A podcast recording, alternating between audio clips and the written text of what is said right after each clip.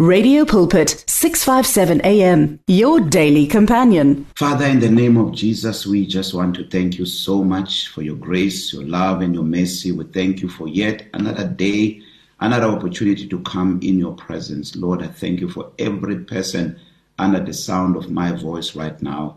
I give you the praise, the glory and the honor in Jesus name. Amen and amen. Welcome to the show. My name is Pastor Kenny Mukwena, and it's time for you to experience the blessing.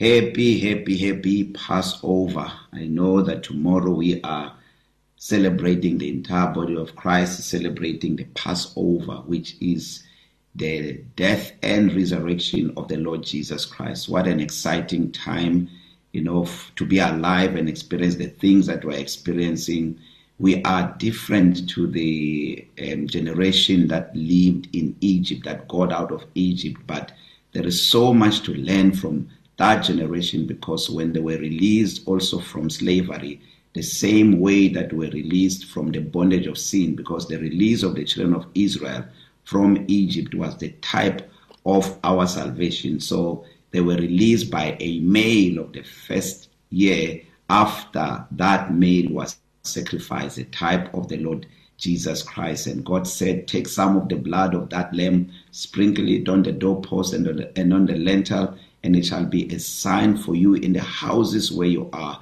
And then God said, I will pass through the land of Egypt that night, and I will kill all the firstborn, and uh, uh, to the gods of Egypt I will execute judgment. I am the Lord. And then he said, But when I see the blood, I will pass over. So this is why we are celebrating uh, Passover this coming weekend. We are celebrating the fact that um, when we were saved, when we gave our lives to Christ, the blood of Christ became a mark over our lives. And today, I tell you, when destruction see the blood, when calamity see the blood, when sickness and disease see the blood, when accidents see the blood, when the arrows and the missiles of the wicked one see the blood, it passes over. The Bible in the book of Revelations 12:11 says that we overcame the evil one by the blood of the lamb and by the word of our testimony. So today when we look at the cross, we see the king on the cross and we see the heart of God, we see the love of God. So today we are, we are, we are starting a new conversation which I have titled the king on the cross. We are going to be on this conversation for the entire month of April. I am so excited about this because we are going to be reminded of the death and resurrection of the Lord Jesus Christ. And listen, there is so much power in the blood of Jesus, and we all have to have this understanding, the understanding of this power that we we we, we enjoy, you know, from the blood of Christ. That's why it's it's important for all of us as believers to always proclaim the blood of our lives because when God told the children of Israel to sprinkle the blood on the doorpost and on the lintel, it was a it was a picture of the cross um, because he wanted them to to sprinkle the blood on the top uh, a part of the doorpost and also um, uh, on the on, on the side ones, giving us two beams the vertical and the horizontal beam, which is the type of the cross of Christ. And God said, That blood shall mark the houses where you are. And when I see the blood, I will pass over. So the blood of Christ is so powerful today as it was when it was shed 2,000 years ago. So today I'm talking about the King on the cross. The text that I'm going to use for this conversation, and we're going to have an awesome, awesome time talking about this. I am so so excited. We're using John John 12 verse 32 which says and I if I am lifted up from the earth will draw all peoples to myself meaning all people of all race. The Bible tells us in the book of First John chapter 2 verse 2 that Jesus Christ died for the sins of the whole world. And this is important for us to understand that Jesus did not die only for a fraction of the people of the earth, but he died for everyone, including the Buddhists, including the Muslims, including the atheists. He died for every one of them. It just take one you know, to realize what Jesus Christ has done on the cross, participate and become a partaker of what Jesus did on the cross to be able to benefit from it. That's why the Bible says that in the book of Romans 6:23 that the wages of sin is death, but the gift of God is eternal life in Christ Jesus. So we see two things here. We see that um, it's like Jesus stands in the middle uh, uh, between sinners and the righteous. So those that have not received Christ as Lord and Savior of their lives, they experience the first part of, of Romans 6:23. The wages of sin is death. But the moment one person gets born again, now we cross over to the other side. The gift of God is eternal life in Christ Jesus. And this is exactly what we see with the two sinners who were, who were, who were on the cross, uh, who were uh, crucified with Jesus on the cross. The one uh, criminal ridiculed and reviled Jesus, just like the scribes and the Pharisees and the people who were passing by. But we see the other one, you know, recognizing who Jesus was and taking advantage of, you know, who Jesus was. Remember, the the the one the one sin said to Jesus, "If you are the Christ, save yourself and us." But the others, other one rebuked him and said to him, "Do you not even fear God, seeing you are under the same condemnation? Me and you we are sinners, but this man has never sinned." And then he turned to Jesus and said, "Lord, remember me when you come into your kingdom." So look at this picture. We're talking about the King on the cross he is standing in the center of two criminals. Uh, they are the closest, both of them, to eternal life, the closest to experiencing true life, but they are not, one of them is not aware of who is this person next to me.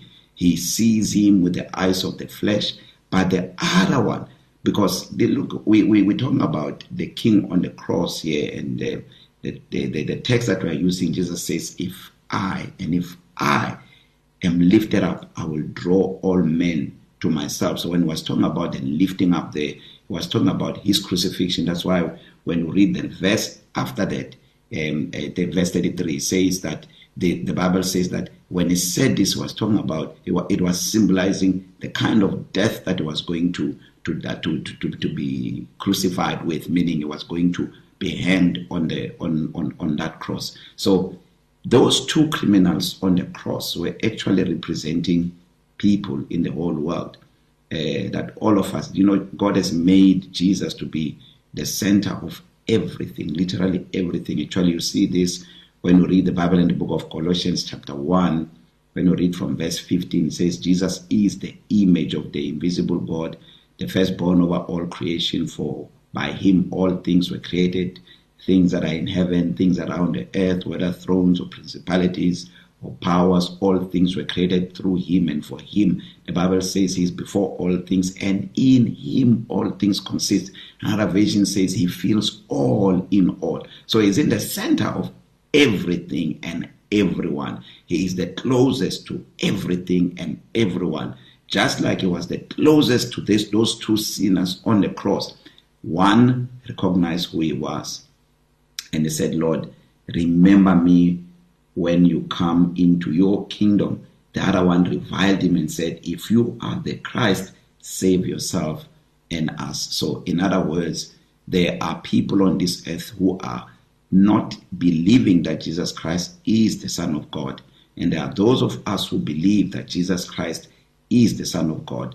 And we look at that cross with a certain mindset. And this is the message I want to give you today to look at a cross a different way today. I don't know why you are celebrating the Passover or you are celebrating Easter as the world calls it.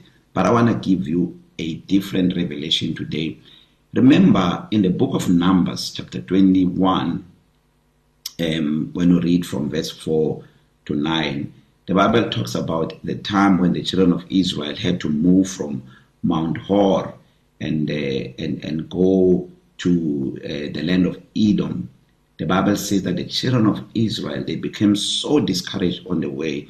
you know because sometimes listen when you when you walk with God and God is leading you somewhere especially in your early days when you are still growing in the things of God you you you will find yourself facing situations which which you do not understand and uh, a lot of people give up they fall away in the day of adversity not understanding that the way of Christianity does not necessarily mean things are going to be easy.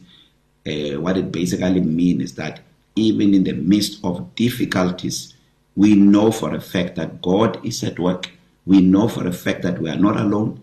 We know for a fact that Christ in us is the hope of glory. He is working, is doing mighty work in us, and we keep our eyes on Him, not on the things that we are going through. So the children of Israel, they became so discouraged, notwithstanding the fact that God had done so much for them. They, by this time, they had already seen His mighty work. They have already seen Him do things that are impossible to be done. I mean, remember their first experience was when the Red Sea parted and they walk on dry ground. They were being followed by the army of the Egyptians, and Moses told them that the enemies you see today, you shall see them no more forever. They crossed over to the other side and they watched as the as the as the the Egyptian army tried to follow them.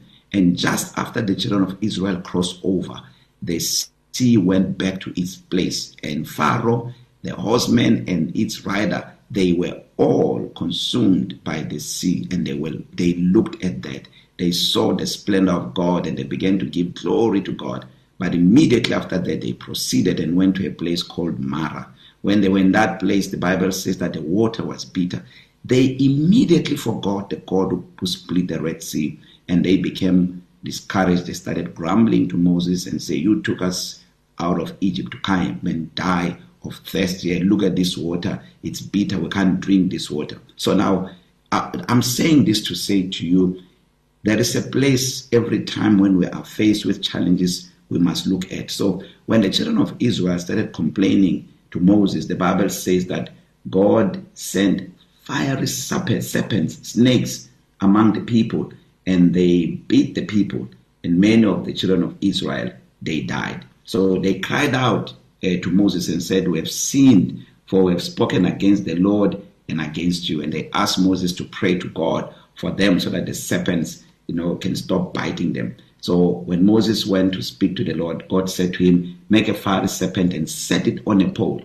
And actually, it was specific that serpent had to be a bronze serpent. And that's where the revelation is. The bronze serpent represent bronze in the scriptures represent judgment. So God said, Set up a bronze serpent uh, on a pole, and it shall be that everyone who is beaten, when they look at it, shall live. Now, here is the message that I want to encourage you on today.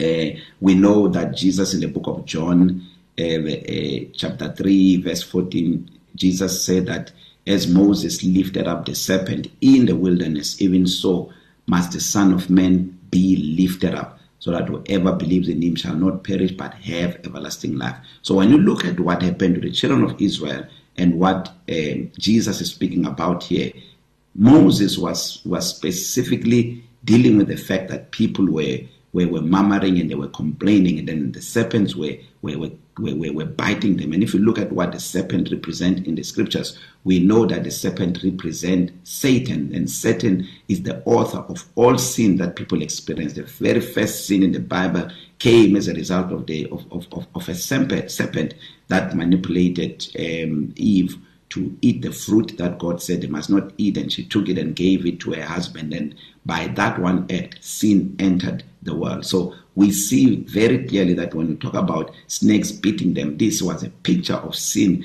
in the days that we live in. But God said, anyone who look at that serpent, because that bronze serpent on a pole, it was a type of the Lord Jesus Christ hanging on the cross. But there is a mystery also there because um, the pole that Moses set up in the wilderness, it was a vertical pole. There was no horizontal pole.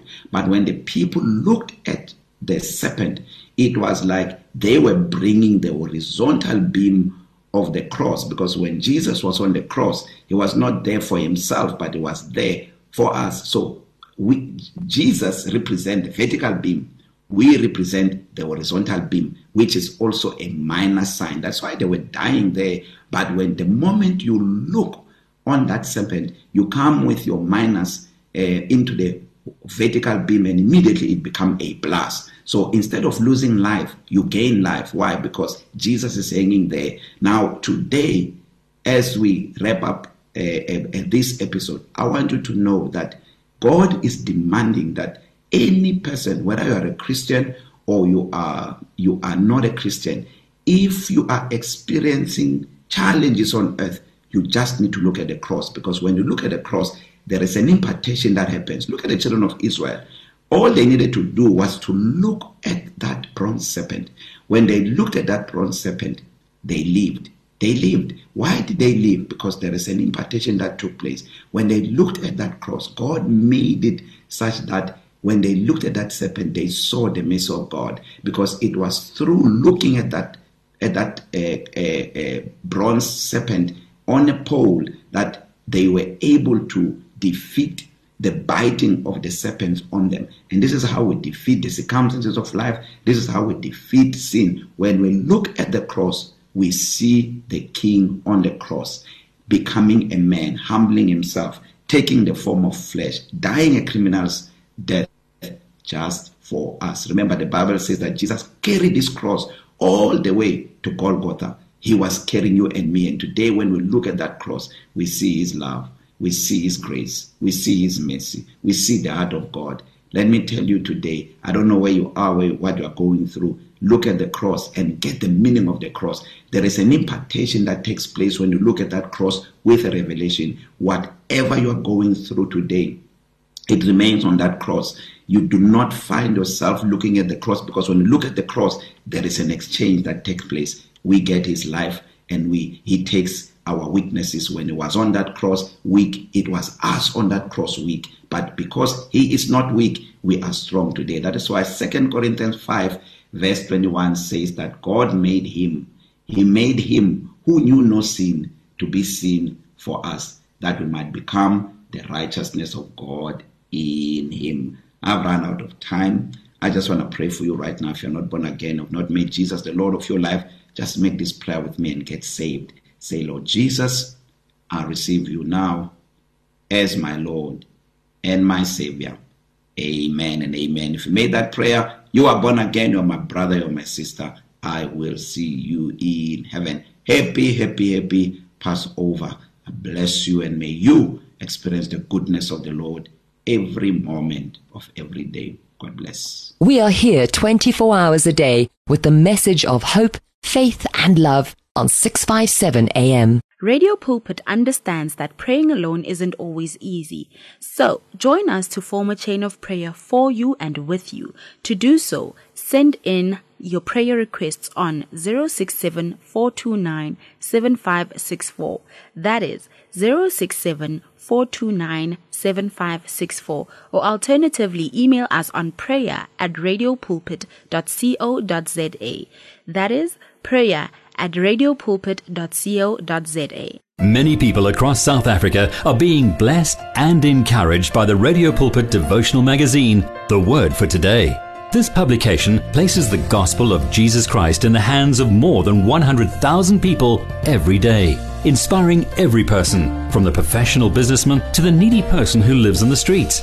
Each edition contains daily scripture based devotionals and inspiring articles to help you grow spiritually. The booklet is given with the compliments of Radio Pulpit, but your donation, large or small, will help us to print the next edition and continue being the hope of the gospel to a world in desperate need. The Word for Today. Get yours today on 012 334 1200 or subscribe online at www.radiopulpit.co.za. Radio Pulpit, your daily companion. You and 657 AM and life, a winning team on the road to eternity.